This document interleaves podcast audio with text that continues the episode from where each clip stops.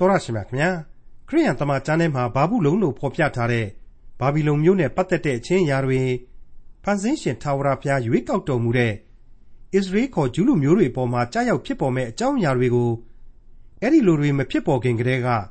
ကြိုတင်ဗျာဒိတ်ပြုထားခဲ့ပြီးသားဖြစ်ပါတယ်လူသည်ရွှေစင်ထက်အဖိုးထိုက်မြေကြောင်းဆင်းရဲသားသည်အောဖိရရွှေကြောက်တဲ့အဖိုးထိုက်မြေကြောင်းငါပြုမည်လို့ဖျားရှင်ကသူ့ရဲ့ပရောဖက်ကြီးဟေရှာယအားဖြင့် ကြိုတင်ဗျာဒိတ်ပြုတော်မူခဲ့တဲ့အတိုင်းဖြစ်ပေါ်ခဲ့တာဟာကမ္ဘာသမိုင်းမှာအထင်ရှားဖြစ်ပါတယ်။သူတို့သားသမီးများကိုသူတို့မျက်မှောက်၌မြေပေါ်မှာဆောင်းဖို့လိမ့်မည်။သူတို့အိမ်များကိုလူရဲ၍သူတို့မယားများကို မတရားပြုကြလိမ့်မည်ဆိုတဲ့ကြိုတင်ဗျာဒိတ်ပြုချက်ဟာကမ္ဘာသမိုင်းမှာပြည့်စုံခဲ့ရပါတယ်။ဖျားရှင်ရဲ့ဒီကြိုတင်ဗျာဒိတ်ပြုချက်တွေကိုဖော်ပြထားတဲ့ခရိယန်တမန်ကျမ်းရဲ့ဓမ္မဟောင်းကျမ်းပိုင်းတွေကဟေရှာယအနာဂတ်ကျမ်းအခန်းကြီး73ကို ဒီကနေ့သင်သိရသောတမန်ကျမ်းအစီအစဉ်မှာလေ့လာမှာဖြစ်ပါတယ်။ထိုမြို့၌အာရဗ်လူသည်တဲကိုမြမဆောက်ရဆိုတဲ့ဗျာဒိတ်ပြုချက်ဟာဒီကနေ့အချိန်ကာလအထိမှန်ကန်ခဲ့ရတဲ့အကြောင်းရှေးဟောင်းသုတေသနဆိုင်ရာတူးဖော်ရှာဖွေတွေ့ရှိချက်များနဲ့အတူဟေရှာယအနာဂတ်ကျမ်းအခန်းကြီး73ကိုဒေါက်တာထွန်းမြတ်အေးကအခုလိုလေ့လာရှင်းလင်းတင်ပြထားပါတယ်။သင်သိရသောတမန်ကျမ်းရဲ့မိတ်ဆွေတို့တတ်ရှင်များခင်ဗျာ။ ဒီကနေ့ဒီအချိန်မှာဆိုရင်တော့ကျွန်တော်တို့ဟာဟေရှာယအနာဂတ်အခန်းကြီး73ကိုစတင်ရောက်ရှိလာပါပြီအနာဂတ်များဤဂန္ဓသစ်တစ်ခုကိုတိုးဝင်ပြီလို့ကျွန်တော်ဒီအပိုင်းနဲ့ပတ်သက်ပြီးတော့မှတ်ချက်ချခြင်းပါတယ်ဟုတ်ပါတယ်ဘာဘူးလုံအတွက်စီရင်ချက်များဆိုပြီးတော့ကျွန်တော်တို့တွေ့ကြရမယ်အခန်းကြီးတစ်ခုပါပဲအခန်းကြီး9ကနေ12အတွင်းမှာအာခတ်ဘရင်ရဲ့စိုးမိုးခြင်းကာလမှာဟေရှာယပြုခဲ့တဲ့ဗျာဒိတ်တော်တွေအဖြစ်အစုအဝေးတစ်ခုဆိုတာကိုကျွန်တော်ဖော်ပြပြီးခဲ့ပြီးပါပြီအခုအခန်းကြီး73ကနေ23အတွင်းမှာကတော့ အဲ့ဒီဘရင်အာခတ်ခေတ်မဟုတ်တော့ဘူး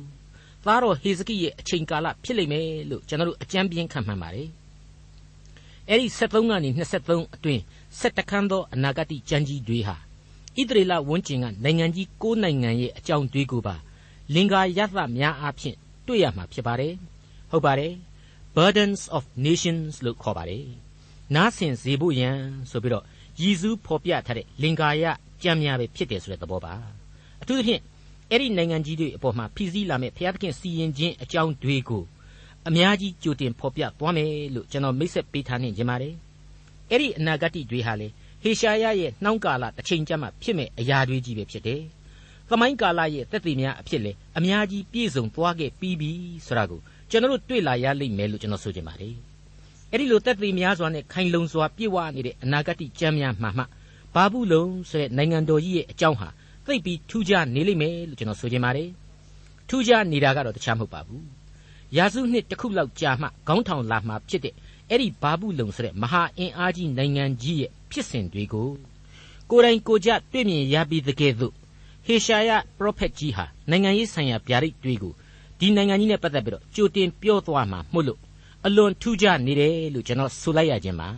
စတင်နားဆင်ကြည့်ကြပါစို့ဟေရှာယနဂတိကျမ်းအခန်းကြီး73 အငယ်1မှ3ဘာဘူးလုံမြို့ကိုရည်ဆောင်၍အာမုတ်ဤသားဟေရှာယခံရသောဗျာဒိတ်တော်အချက်ဟုမူကားရှင်းလင်းသောတောင်ပေါ်မှအလံကိုထူကြကျဲသောအသံနှင့်အော်ဟစ်ကြလက်ကိုလှုပ်ကြသူတို့သည်မင်းတို့နေရာတကားများကိုဝင်ကြစေငါတန်ရှင်းစေသောသူတို့ကိုငါမှားထားပြီးငါပေးထားသောဘုံအာနုဘောကြောင့်ဝမ်းမြောက်သောသူငါဤသူရဲတို့ကိုငါအမျက်ပြေစေခြင်းဟာငါခေါ်ပြီ ရှင်းလင်းသောတောင်ပေါ်မှာအလံကိုထူကြတဲ့အဲ့ဒါဟာဘာဘူးလုံနိုင်ငံကြီးဟာအောင်လံအကြီးအကျယ်လွှင့်လာလိမ့်မယ်ဆိုတာကိုကြိုတင်ပြောပြနေပါတယ်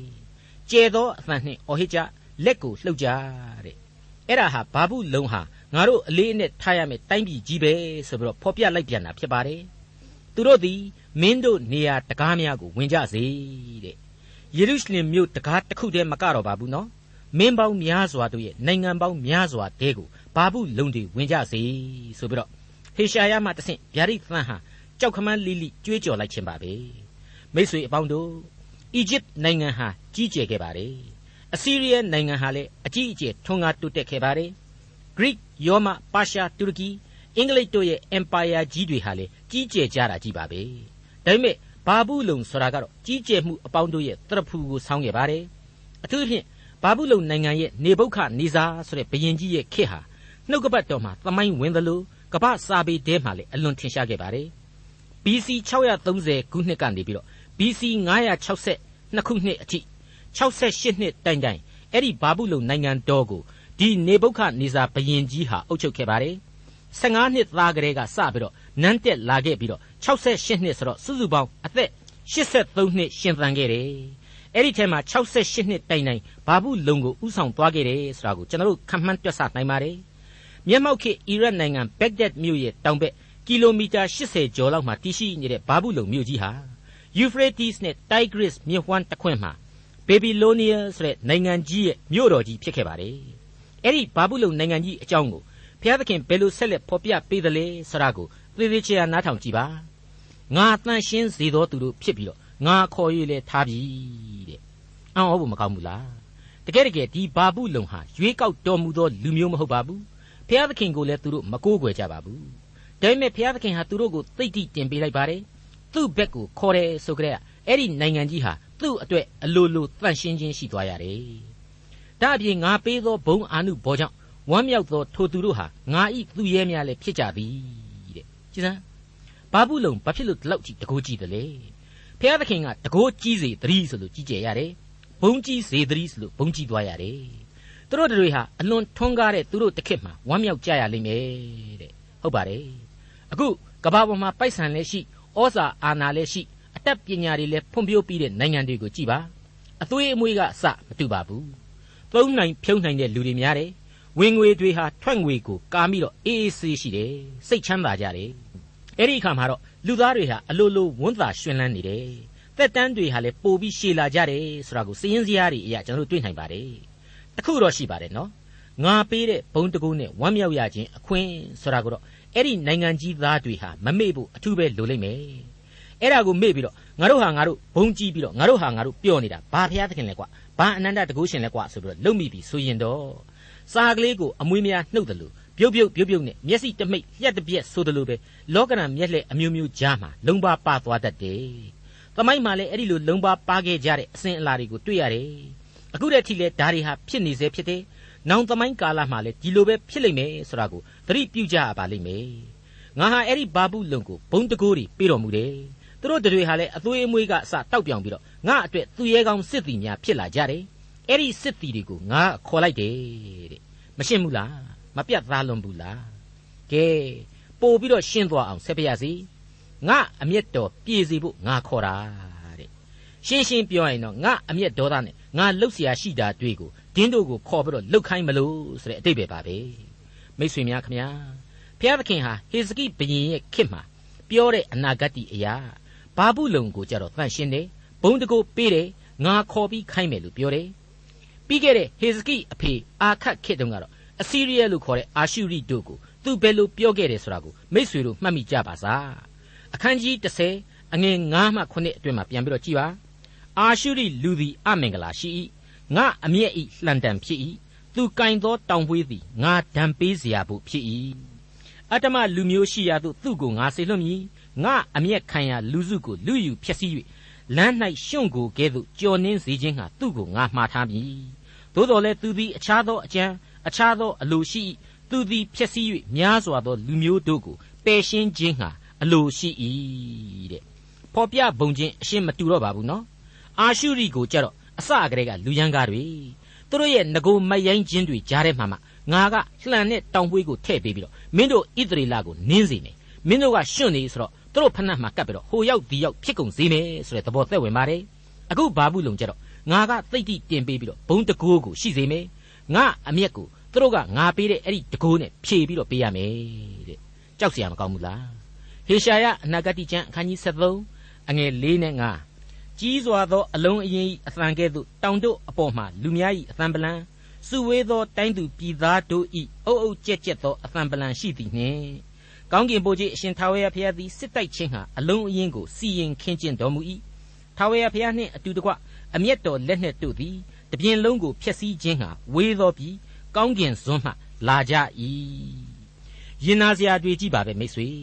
အဲ့ဒါဟာယူရပြည်ဆိုတဲ့တောင်ဘက်ဣသရေလအတွက်ကြိုတင်ဗျာဒိတ်မှာဘာဘူးလုံးဆိုတဲ့နိုင်ငံကြီးလာတိုက်ပြီးတော့ကျွန်ဖြစ်ကြရတော့မယ်ဆိုတာကိုနှစ်တရာခန့်အချိန်ကလေးကကြိုပြီးတော့ဟေရှာယပြောထားနှင်ခဲ့တာပါပဲမြောက်ဘက်ကဆွေမျိုးတော်ဣသရေလကတော့အဲ့ဒီလိုဘာဘူးလုံယူဒကိုလာပြီးမသိငင်ပြီးခဲ့တဲ့သင်ခန်းစာတွေမှာဟေရှာယဖော်ပြခဲ့တယ်လို့ပဲ အာရှုရိတို့လက်ထဲကိုရောက်သွားနှင်ခဲ့ပါပြီဟေရှာယအနာဂတိကျမ်းအခန်းကြီး73အငယ်6မှ10ထာဝရဘုရား၏နေရသည်နီးသောကြောင့်ငိုကြွေးမြည်တမ်းကြလော့အနန္တတကုရှင်စီရင်တော်မူသောဘေးအန္တရာယ်ကဲ့သို့လာလိမ့်မည်ထို့ကြောင့်ရှိသမျှသောလက်တို့သည်ကြကြလိမ့်မည်လူအပေါင်းတို့သည်စိတ်ပြည့်၍ကြောက်လန့်ခြင်းသို့ရောက်ကြလိမ့်မည်နာခြင်းဝေဒနာအမျိုးမျိုးကိုခံရကြလိမ့်မည်သားဖွာသောမိမကဲ့သို့ဝေဒနာကိုခံရလျက်တယောက်ကိုတယောက်ကြည့်ရှု၍မှိုင်တွေသဖြင့် သူတို့မျက်နှာသည်မိလျံအဆင်ရှိလိမ့်မည်ထိုပြည်ကိုဖျက်ဆီး၍အပြစ်ကြီးသောပြည်သူပြည်သားတို့ကိုတုတ်တင်ပယ်ရှင်းခြင်းဟာထာဝရဘုရား၏ကြမ်းကြုတ်သောနေ့ရက်သည်ပြင်းထန်သောဒေါသအမျက်ထွက်လျက်လာလိမ့်မည်မိုးကောင်းကင်ကျဲနေခတ်တို့သည်အလင်းကိုမပေးနေသည်လည်းထွက်သောအခါမိုက်လျက်လသည်လည်းမထွန်းမလင်းပဲလျက်ရှိလိမ့်မည်မိတ်ဆွေဒီအပိုင်းကိုရှင်ပြီးတော့သတိရစေတာကတော့ခရစ်တော်ကိုယ်တော်တိုင်ဖော်ပြပေးခဲ့တဲ့အချက်တွေဖြစ်ပါတယ် ရှင်မသက်ခရစ်ဝင်ကျမ်းအခန်းကြီး24အငယ်15မှ22နဲ့29တို့ကိုပေါင်းစုပြီးတော့ကျွန်တော်ဖတ်ပြပါရစေထို့ကြောင့်ပရောဖက်ဒံယေလဟောသည့်အတိုင်းဖြစ်စည်းတတ်သောယွန်ရှာပွဲအရာသည်တန်ရှင်းသောအယတ်ဌာန၌စိုက်နေသည်ကိုသင်တို့သည်မြင်ရလျင်ကျမ်းစာကိုကြည်သောသူသည်နားလည်ပါစေထိုတို့မြင်ရလျင်ယူရပြည်၌ရှိသောသူတို့သည်တောင်ပေါ်သို့ပြေးကြစေအိမ်မိုးပေါ်မှရှိသောသူသည်အိမ်တဲကဥစ္စာကိုယူခြင်းဟာမစင်းစေနှင့် လယ်၌ရှိသောသူလည်းမိမိအဝတ်ကိုယူခြင်းဟာနောက်သို့မပြန်စေနှင့်ထိုနေ့ရ၌ကိုဝန်ဆောင်သောမိမနှင့်နို့စို့သူငယ်ရှိသောမိမတို့သည်အလွန်ခက်ကြလိမ့်မည်သင်တို့ပြေးရသောအချိန်သည်ဆောင်းကာလ၌မကြဥပုပ်နေ့၌လည်းမကြမီအကြောင်းဆုတောင်းကြလော့အကြောင်းမူကားကဘာဥမဆ၍ယခုတိုင်အောင်မဖြစ်စဘူးနောက်၌လည်းမဖြစ်တတ်သောကြီးစွာသောဒုက္ခသည်ထိုကာလ၌ဖြစ်လိမ့်မည်ထိုကာလတာရှိလျင်အဘယ်သူမျှမလွတ်နိုင်ရာ ရွေးချယ်သောသူတို့အဖို့အလို့ငှာထိုကာလသည်တူလိမ့်မည်ထိုကာလ၏ဒုက္ခဆင်းရဲခြင်းနောက်ရုတ်ခနဲ့နေသည်မိုက်လိမ့်မည်လသည်အယောင်ကိုမပေးကျယ်တို့သည်ကောင်းကင်မှကြားကြလိမ့်မည်ကောင်းကင်တကိုးတို့သည်တုန်လှုပ်ကြလိမ့်မည်အဲ့ဒီတိုင်းပါပဲဗျာဒိတ်ကျမ်းကအခန်းကြီး၈အငယ်၁၂နဲ့၁၃မှာအခုလိုကျွန်တော်တို့တွေ့ရပါသေးတယ်သရုတ်ထကောင်းကင်တမန်သည်တဘိုးမှုတ်သောအခါနေသုံးစုတစုလသုံးစုတစုကျဲသုံးစုတစုကြက်၍ သုံးစုတစုမိုက်လေ၏နေသုံးစုတစုညသုံးစုတစုသည်အလင်းမရှိထိုအခါငါကြည့်လျင်ရွှေလင်းတတကောင်ကကျွင်းသေးသောကောင်းကင်တမန်သုံးပါးမှုတ်လူလက်တန့်သောတဘိုးတန်ကြောင့်မြေကြီးသားတို့သည်အမင်္ဂလာအမင်္ဂလာအမင်္ဂလာရှိကြ၏ဟုကောင်းကင်အလယ်၌ပြန်ဝဲ၍ကြီးသောအသံနှင့်ဆိုသည်ကိုငါကြား၏အဲ့ဒီလိုတွေ့ရခြင်းဖြစ်ပါတယ်မိတ်ဆွေအပေါင်းတို့အခုဖော်ပြချက်တွေဟာ tribulation period လို့ဆိုတဲ့ အလွန်ဝေးကွာလှမ်းတဲ့ဒုက္ခဆင်းရဲခြင်းကာလအကြောင်းကိုဟေရှာယကြိုတင်အနာဂတ်ပြုတာဖြစ်ပါတယ်ဒီတော့နောက်နှစ်တရာကျော်မှာဘာဘူးလုံဟာဣသရေလအတွက်ရန်သူကြီးဖြစ်ရမှာကိုပထမအနာဂတ်နဲ့တွေ့ရသလိုကျွန်တော်မသိတဲ့အနာဂတ်ကာလမှာလည်းပဲအတိတ်ကာလဘာဘူးလုံလိုပဲဣသရေလအတွက်ရန်သူဟာတစ်ခါပြန်ပြီးပေါ်လာအောင်မယ်လို့မြင်ရပြန်ပါတယ်မိတ်ဆွေနောက်ဆုံးသောကပ်ကာလဆရာဟာရှိကိုရှိရမှာဖြစ်ပါတယ် ရှိမဲ့အရာကိုရှိပြီးသားအရာတို့အားဖြင့်အများကြီးသုံးသပ်လေ့လာနိုင်ပါတယ်ပမာဆောင်နေပါတယ်ကျွန်တော်ကြိုတင်ပြီးသွားကြည့်လို့အဲ့ဒီအချိန်ကာလကိုစိတ်ကူးနဲ့အရှင်းဖော်ပြလို့မရနိုင်ပါဘူးဒါပေမဲ့နှုတ်ကပတ်တော်ရဲ့အနာဂတ်များတို့အားဖြင့်ဒီအချိန်ကာလဟာအမှန်ရှိရလိမ့်မယ်ကြမ်းတမ်းရက်စက်မှုတို့တရဖူဆောင်းလိမ့်မယ်ဆိုတာကိုသေသေးချာချာကျွန်တော်တို့ပြောနိုင်ပါတယ်အခုဟေရှာယအနာဂတ်ဟာဖြင့်ခေတ်တစ်ခုအတွင်းသို့မဟုတ်ရေတိုအချိန်ကာလအတွင်းဖြစ်ပြမဲ့အကြောင်းတွေကိုအရင်ဖော်ပြတယ် တစ်ဆက်တည်းမှာပဲရေရှည်လို့ဆိုရမယ်ကတ်ကာလအချိန်အတွက်ပါရောပြွန်းဖော်ပြပေးနေတယ်လို့ကျွန်တော်ဆိုချင်ပါတယ်ဟေရှာယအနာဂတိကျမ်းအခန်းကြီး73အငယ်7မှ16ထိုလောကီနိုင်ငံ၏အပြစ်ကို၎င်းမတရားသောသူတို့၏ဒုစရိုက်များကို၎င်းငါစစ်ကြောမည်မာနကြီးသောသူတို့၏ထောင်လွှားခြင်းကိုငါနှိပ်စက်၍ကြမ်းကြုတ်သောသူတို့၏စော်ကားခြင်းကိုငါနှိမ်ချမည်လူသည်ရွှေစင်တဲ့အဖိုးထိုက်မည်အကြောင်း ဆင်းရဲသားသည်အောဖိရရွှေကြောက်တဲ့အဖိုးထိုက်မည်အကြောင်းငါပြုမည်တို့ဖြစ်၍ကောင်းကင်ဘုရားအရှင်ထာဝရဘုရား၏ဒေါသအမျက်တော်ပြင်းစွာထွက်သောနေ့ရက်၌မိုးကောင်းကင်ကိုငါလှုပ်ရှားမည်မြေကြီးလည်းမိမိနေရာမှရွေ့ရလိမ့်မည်ပြည်သားတို့သည်ကြောက်၍ပြေးသောတရေမှထိမ့်သိမ့်သူမရှိသောသုံးများကဲ့သို့ဖြစ်၍အသီးအသီးမိမိအမျိုးသားချင်းတို့ကိုမျက်နှာပြု၍အသီးအသီးမိမိပြည်သို့ပြေးကြလိမ့်မည်တွေ့မိသမျှသောသူတို့ကိုလှန်နှင့်ထိုးရ၏ စုဝေးလျက်ရှိသောသူအပေါင်းတို့လည်းဓာဖြင့်ဆုံးကြလိမ့်မည်သူတို့သားသမီးများကိုသူတို့မျက်မှောက်၌မြေပေါ်မှဆောင့်ဖွတ်လိမ့်မည်သူတို့အိမ်များကိုလူရဲ၍သူတို့မယားများကိုအတ္တမပြုကြလိမ့်မည်ဒါဟာတကဘာလုံးအတိုင်းအတာနဲ့ပါဝင်သွားပြီဆိုင်သွားပြီလို့ကျွန်တော်ဆိုချင်ပါတယ်လောကီနိုင်ငံဆိုတာဟာစာရမဏတ်လွှမ်းမိုးသောလူအဖွဲ့အစည်းတစ်ခုလုံးကိုခြုံငုံဖော်ပြလိုက်ခြင်းပါ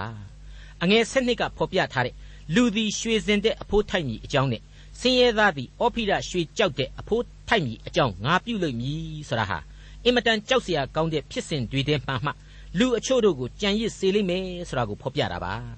အငယ်16မှာတွေ့ရတယ်သူတို့သားသမီးများကိုသူတို့မျက်မှောက်၌ဆောင့်ဖွတ်လိမ့်မည်သူတို့အိမ်များကိုလူရဲ၍သူတို့မယားများကိုအရမပြုကြလိမ့်မည်ဆိုတာဟာအလွန်ဆိုးရုပ်တဲ့ကကလာဇိုးကြီးရဲ့မြင်ကွင်းဖြစ်ပါတယ်အဲ့ဒီမြင်ကွင်းဒီဟာအတိတ်လူအဖွဲ့အစည်းမှာဖြစ်ခဲ့ဘူးပြီလို့ကျွန်တော်ဆိုချင်ပါတယ် အတိတ်မှာဖြစ်ခဲ့ဘူးသလိုဒီကနေ့ဒီကဘာမှာရောမရှိဘူးလားလို့ကျွန်တော်မေးခွန်းထုတ်ချင်ပါတယ်အကယ်၍သာအတိတ်နဲ့ပြစ္ဆုတ်ပံလူအဖွဲ့အစည်းမှာဖြစ်ပျက်ခဲ့ဘူးပြီးပြီဖြစ်ပျက်နေစေရှိပြီဆိုရင်ဆိုးလှပါတယ်ဆိုတဲ့ကတ်ကာလမှာဒါတွေဖြစ်မယ်ဆိုတာဟာဘာများဆန်းပါသေးသလဲလို့ကျွန်တော်ဆက်ပြီးတော့စောရကတက်ချင်ပါတယ်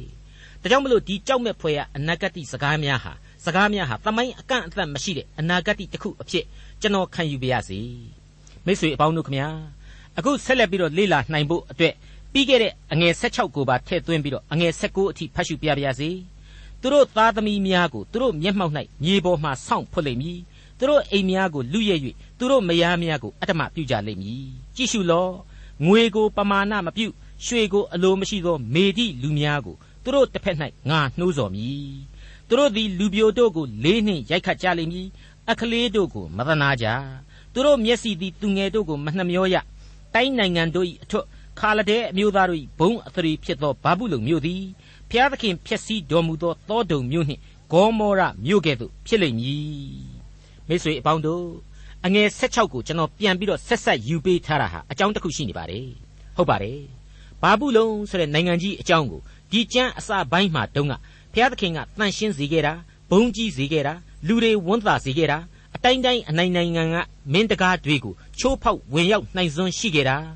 ဒီအခွင့်အရေးတွေကိုပေးထားတာအဲ့ဒီအင်အားတွေအလုံးစုံဟာဘုရားသခင်ဒေါသတွေပြေပြောက်စေဖို့ရန်အတွက်လေဘုရားသခင်အသုံးပြုသွားလိမ့်အောင်မယ်ဆိုတဲ့အချက်တွေကိုပါကျွန်တော်ဖော်ပြပေးခဲ့ပြီးပြီဖြစ်ပါတယ်အဲ့ဒီလိုအလွန်တကိုးကြီးတဲ့ဘာဘူးလုံဟာနောက်နှစ်တရာမှာငါတို့ဣသရေလကိုလာတိုက်ပြီးတော့ကျွန်ပြုလိမ့်မယ်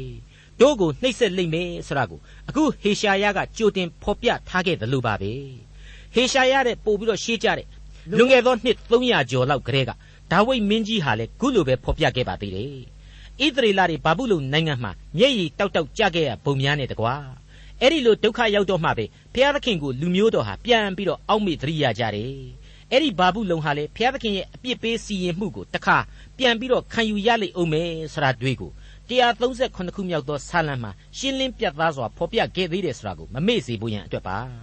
138ခုမြောက်သောဆာလံမှာဒါဝိဒ်မင်းကြီးအခုလိုဆိုဖွဲ့ခဲ့ပါတယ်ဘာဘူးလုံမြစ်တို့အနားမှာငါတို့သည်ထိုင်၍ဇီးအုံမြို့ကိုအောင်းမေ့လျက်ငိုကြွေးကြ၏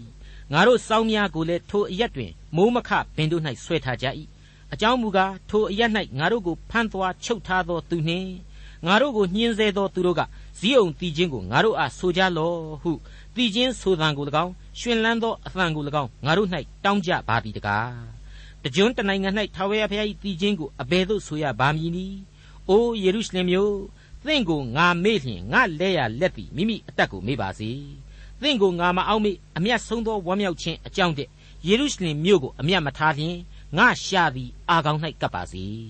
အိုထာဝရဘုရားယေရုရှလင်မြို့၏နေ့ရဲ့အချိန်ရောက်သောအခါမြို့ရိုးကိုအမြင့်တိုင်အောင်ရှင်းလိုက်ကြရှင်းလိုက်ကြဟုဆိုကြသောအေဒုံအမျိုးသားတို့ကိုအောက်မေ့တော်မူပါ ဖျက်ဆီးတတ်သောဘာဘူးလုံမင်းသမီးသင်သည်ငါတို့၌ပြုသည့်အတိုင်းသင်၌အပြစ်ကိုဆက်ပေးသောသူသည်မင်္ဂလာရှိ၏သင်ဤသူငယ်တို့ကိုကံယူ၍ကြောက်ပေါ်မှဆောင်းသောသူသည်မင်္ဂလာရှိ၏ကဲလောကီနိုင်ငံဆိုတဲ့ကဘာတစ်ခုလုံးနဲ့ဆိုင်ခဲ့တဲ့ဟေရှာယရဲ့အနာဂတ်စကားတွေဟာဘာဘူးလုံဆိုတဲ့အေယာမအင်အားကြီးနိုင်ငံတစ်ခုနဲ့လေတစ်ဆက်တစ်ဆက်တည်းဖြစ်နေပြီလို့ဆိုရပါတော့မယ်ဟုတ်ပါတယ်ရောပြိုးနေသောအခုအနာဂတ်ကျမ်းဟာ ဘာဘူးလုံဆိုတာကိုဆက်ပြီးတော့လက်ညှိုးထိုးလိုက်ပါတယ်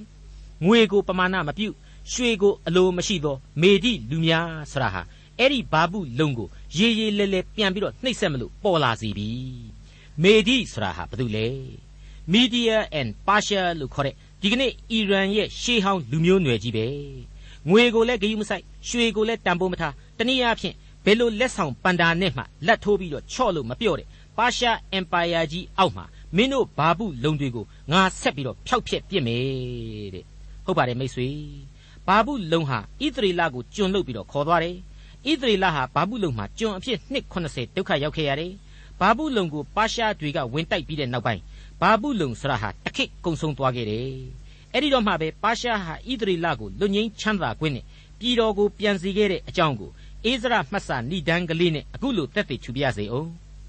ယေရမိဆင့်ဆိုသော ထာဝရဘုရား၏အမိန့်တော်ကို ပြည့်စုံစေခြင်းဟာပေရတိရှင်ဘရင် ကုရုနန်းဆန်ပထမနှစ်တွင် ထာဝရဘုရားနှိုးဆော်တော်မူသောအဖြစ်ထိုရှင်ဘရင်သည် အမိန့်တော်စာကို ထုတ်ပြီးလျှင်ပေရတိနိုင်ငံအရရတို့၌ကြော်ညာစေ၍ပေရတိရှင်ဘရင်ကုရုမင်းမိန့်တော်မူသည်ကကောင်းကင်ဘုံ၏အရှင်ဘုရားသခင်ထာဝရဘုရားသည်မြေကြီးပေါ်မှတိုင်းနိုင်ငံရှိသမျှတို့ကိုငါအားပေးတော်မူသည်ဖြစ်၍ယူရပြည်ယေရုရှလင်မြို့၌အိမ်တော်ကိုငါတည်ဆောက်ရမည်အကြောင်း မှားထားတော်မူပြီ။သင်တို့တွင်အဘယ်သူသည်ဘုရားသခင်၏လူဖြစ်သနည်းထိုသူနှင့်အတူဘုရားသခင်ရှိတော်မူပါစေသော။ယူရပြည်ယေရုရှလင်မြို့သို့သွား၍ဣသရေလအမျိုး၏ဘုရားသခင်ထာဝရဘုရား၏အိမ်တော်ကိုတည်ဆောက်စေ။ယေရုရှလင်မြို့၌ရှိတော်မူသောဘုရားသည်ဘုရားသခင်ဖြစ်တော်မူ၏။ကဲ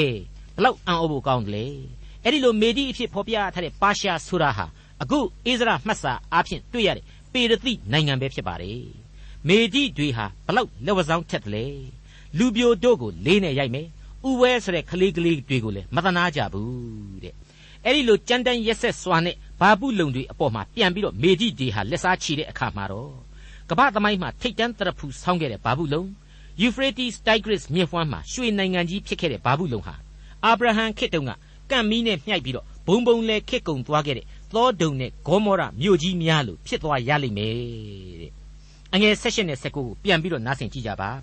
မေဒီလူများကိုသူတို့တစ်ဖက်၌ငါနှိုးဆော်မည်သူတို့သည်လူပြိုတို့ကိုလေးနှင့်ရိုက်ခတ်ကြလိမ့်မည်အခလေးတို့ကိုမတနာကြသူတို့မျက်စိသည်သူငယ်တို့ကိုမနှမျောရတိုင်းနိုင်ငံတို့၏အထွတ်ခါလဒဲအမျိုးသားတို့၏ဘုံအသရေဖြစ်သောဘာဘူးလုံမြို့သည်ဖျားသခင်ဖြစ်စည်းတော်မူသောသောဒုံမြို့နှင့်ဂေါမောရမြို့ကဲ့သို့ဖြစ်လိမ့်မည်တဲ့မိတ်ဆွေအပေါင်းတို့ ဘာဘူးလုံဆရာဟာရှေးမျိုးပြနိုင်ငံတော်တို့ခင်မှာတော့အရန်ကြီးကျယ်ခဲ့တယ်လိုတဖူလုံရှိခဲ့တယ်တကောအာနာလည်းအင်မတန်ကြီးမာတယ်လက်နဲ့အင်အားလည်းကောင်းတယ်လှပတယ်လူတွေဟာလည်းဝမ်းမြောက်ပျော်ရွှင်တယ်အဆင့်မြင့်တဲ့မြို့တော်ကြီးဖြစ်တယ်ဆိုတာကိုကျွန်တော်တို့တွေ့ခဲ့ကြရပြီးပြီနှုတ်ကပတ်တော်ဟာဖော်ပြပေးခဲ့ပြီးပြီအဲ့ဒီမြို့ကြီးဟာရှေးကသောဒုံနဲ့ဂေါမောရတို့လိုပဲအပြက်ခံရမယ်ဆိုပြီးတော့ဟေရှာယကတဆင့်ဘုရားသခင်ဗျာဒိတ်တန်တွေဟာဆက်လက်ပေါ်ထွန်းလာပါပြီ ဘယ်အတိုင်းအတာထိခံရအောင်မှလဲဆိုတာကိုဘာဘူးလုံနဲ့ပတ်သက်ပြီးတော့အခုလိုဆက်ပြီးတော့နားဆွင့်ကြည့်စေချင်ပါတယ်ဟေရှာယနဂတိကျမ်းအခန်းကြီး73အငယ်20မှ22ထိုမျိုး၌ကာလအစဉ်လူမျိုးအဆက်အဆက်အဘယ်သူမျှမနေရထိုမျိုး၌အာရဗ်လူသည်တဲကိုမျှမဆောက်ရသိုးဒိန်တို့သည်သိုးကြံကိုမျှမလုပ်ရကြတောသားရဲတို့သည်ထိုမျိုး၌အိတ်ကြလိမ့်မည်အိမ်တို့သည်မြည်ရသောတိရစ္ဆာန်များနှင့်အပြည့်ရှိကြလိမ့်မည်ကလအုပ်ငှက်တို့လည်းနေရာကျ၍ မြောက်တို့လည်းကခုန်ကြလိမ့်မည်တောခွေးတို့သည်လည်းဘုံဗိမှန်များ၌၎င်းမြေခွေးတို့သည်လည်းကြက်တရီတိုက်များ၌၎င်းဥကြမြည်ကြလိမ့်မည်ထိုသို့သောကာလနီးလာပြီထိုမျိုးဤအသက်တာမရှိရမိတ်ဆွေအပေါင်းတို့ခမညာဖော်ပြလိုက်တာတွေဟာပြည်ပြင်းလွန်းလှပါတယ်ကြမ်းတမ်းလွန်းလှပါတယ်တခုမှမလွဲပါဘူးဒီကနေ့တည်းထိမြေအောက်ကိုရောက်နေတဲ့မြို့တော်ကြီးဘာပုလုံကိုတူးဆွပြီးတော့သူတေသနလုပ်နေကြဆဲလို့ဆိုပါတယ် ဘယ်နှစ်ခုနှစ်မှာဘယ်လိုဘယ်လိုကိစ္စပြတ်သွားတယ်ဆိုတာမသိရပေမယ့်အခုနှုတ်ကပတ်တော်အတိုင်းမလွဲမသွေဖြစ်ခဲ့ရပြီဆိုတာကတော့အမှန်ပဲကျိန်စာသင့်ဘာဘူးလုံကတော့ဖုံးဆိုးမြေအောက်မှာလဲလျောင်းနေပါတယ်မြေဟာကြမ်းလွန်းလှပါတယ်၆လှန်တယ်ဆိုတဲ့အစွဲနဲ့ပဲဘယ်အာရဗ်လူမျိုးကမှအဲ့ဒီမြို့တော်ဟောင်းအဆောက်အုံပြက်တွေမှာမတဲခိုရဲကြဘူးဆိုပြီးတော့သမိုင်းသူတေတီတွေကဖော်ပြပါတယ်မြို့ပြက်ကြီးဖြစ်ပြီးတဲ့နောက်ပိုင်းမှာခေါင်လွန်းအားကြီးလို့ရှင်သေးတွေအမှန်ခိုအောင်ခဲ့ဘူးတယ် ငှက်ဆိုးတွေရဲ့အပိုက်ဖြစ်နေပြီလို့လည်းကြားရပါတယ်မိษွေအပေါင်းတို့ခမညာဘာဘူးလုံဆရာဟာတစ်ချိန်ကမဟာရဲတိုက်ကြီးအဖြစ်နဲ့ရှေးဦးလူသားတို့တီးခဲ့ပြီးတော့ဘုရားသခင်ကိုပုံကံဖို့အားပြိုင်ကြဖို့ကြိုးစားခဲ့တဲ့ဇာတိမာနကိုဖော်ပြရအရာဖြစ်ပါတယ်ဒါကိုကပ္ပဦးကျမ်းအခန်းကြီး7မှာထင်ရှားပြတ်သားစွာကျွန်တော်တို့တွေ့ထားရပါတယ်အဲ့ဒီလိုကပ္ပလူအဖွဲ့အစည်းတီကာဇကတဲ့ကမာနမြို့တော်ကြီးဟာဘုရားသခင်ရဲ့ကောင်းကြီးတွေကြောင့်ဘုံတကိုကြီးလာတယ်လူတွေထွန်းကားတိုးတက်လာတယ် အံ့ပွေနိုင်ငံကြီးတစ်ခုဖြစ်လာတယ်သူ့ကိုအဲ့ဒီလိုဘုရားသခင်ကောင်းကြီးပေးတာဟာလေဓမ္မသမိုင်းစင်မြင့်ဘောကလူမျိုးတော်အပေါ်မှာဒဒဏ်ပေးဖို့ပဲဖြစ်တယ်ဆိုတာကိုဒီကနေ့ဟေရှာယအနာဂတ်မှတဆင့်ကျွန်တော်တို့သိရပြီဒါတွေအကုန်လုံးဟာကျွန်တော်တို့သေသေးချာနားလည်နိုင်အောင်ထိတွေ့ခန်းစားနိုင်အောင်လို့သူတိဆောက်တဲ့ဓမ္မသမိုင်းမှာရွေးကောက်ခြင်းတင်မြှောက်ခြင်းချီးမြှင့်ခြင်းအပြစ်ဒဏ်ကြခံစေခြင်းဆိုတာတွေ့ကိုဘုရားသခင်ဖော်ပြပေးလိုက်တာပဲလို့ကျွန်တော်တို့နားလည်ထားဖို့အထူးပဲလိုအပ်လာပါတယ် တချိန်ကဘာဘူးလုံမြို့တော်ကြီးမြေအောက်ကိုရောက်ပြီးတော့ပျက်စီးသွားတယ်ဆိုပေမဲ့နှုတ်ကပတ်တော်ဟာအနာဂတ်ဘာဘူးလုံမြို့ကြီးတစ်ခုဆက်လက်ပေါ်ထွန်းလာအောင်မှာကိုလည်းဖော်ပြထားပါသေးတယ်ဒါပေမဲ့တီးခဲ့ဘူးပြက်ခဲ့ဘူးတဲ့ဘာဘူးလုံမြို့တော်နေရာမှာမဟုတ်တဲ့အခြားတနေရာမှာသာတီးရမှာဖြစ်ပါလိမ့်မယ်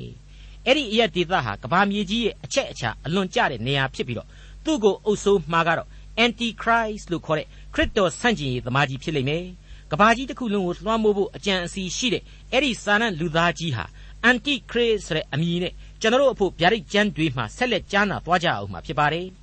အဲ့ဒီ antichrist နဲ့ဘာဘူးလုံဟာလေကတ်ကာလကုံဆုံးခြင်းမှာအကျွင်းမဲ့ဖြစ်စည်းခြင်းခံရအောင်မှာဖြစ်တယ်ဆိုတာကိုဗျာဒိတ်ကျမ်းအခန်းကြီး78အငယ်27မှာရှင်းလင်းစွာတွေ့ရပါတယ်ခွန်အားကြီးသောကောင်းကင်တမန်တစ်ပါးသည်ကြီးစွာသောကြိတ်ဆုံကြောက်ကဲ့သို့သောကြောက်ကိုချီယူ၍ပင်လေတဲသို့ချပစ်ပြီးလျင်ထိုနည်းတူ ဘာဘူးလုံမြို့ကြီးကိုပြင်းထန်စွာချပစ်၍နောက်တဖန်မပေါ်မရှိရတဲ့မိတ်ဆွေအပေါင်းတို့ဟေရှာယအနာဂတိကျမ်းကဖော်ပြနေတဲ့ဘာဘူးလုံနိုင်ငံတော်ကြီးဟာဘုရားသခင်ရဲ့အမျက်ဒေါသသင်ရောက်နေတဲ့ဣသရီလကိုတိုက်ခိုက်သိမ်းပိုက်ပြီးတော့ကျွန်လုံးမဲ့နိုင်ငံတော်ကြီးအဖြစ်စတင်ပေါ်ထွန်းလာရမှာဖြစ်တယ်လို့သူ့ရဲ့ဇက်သိန်းချိန်ကြပြန်လို့လေဘယ်လို့မှနလန်မထူပဲရွေလျောကွယ်ပြောက်သွားရအောင်မယ်ဆိုတာကိုဟေရှာယမှတဆင့်ဘုရားသခင်ကြိုတင်ဗျာဒိတ်ပြုခဲ့ပါတယ် ဒါဟာနောက်ဆုံးသောကပ်ကာလအချိန်စာရမဏတ်လွှမ်းမိုးသောဘာဘူးလုံသို့မဟုတ်ဒုစရိုက်လောကကြီးရဲ့ကြာဆုံးကမ်းကိုကြိုတင်သက်သေပြုနေခြင်းသာဖြစ်တဲ့အကြောင်းတင်ပြလိုက်ပါရစေဒေါက်တာထွန်းမြတ်၏စီစဉ်တင်ဆက်တဲ့တင်ပြရတော်တမချန်းအစီအစဉ်ဖြစ်ပါတယ်နောက်တစ်ချိန်အစီအစဉ်မှာခရိယန်တမချန်းရဲ့ဓမ္မဟောင်းကျမ်းပိုင်းတွေကဟေရှာယအနာဂတ်ကျမ်းအခန်းကြီး14ကိုလေ့လာမှဖြစ်တဲ့အတွက်စောင့်မျှော်နားဆင်နိုင်ပါတယ်။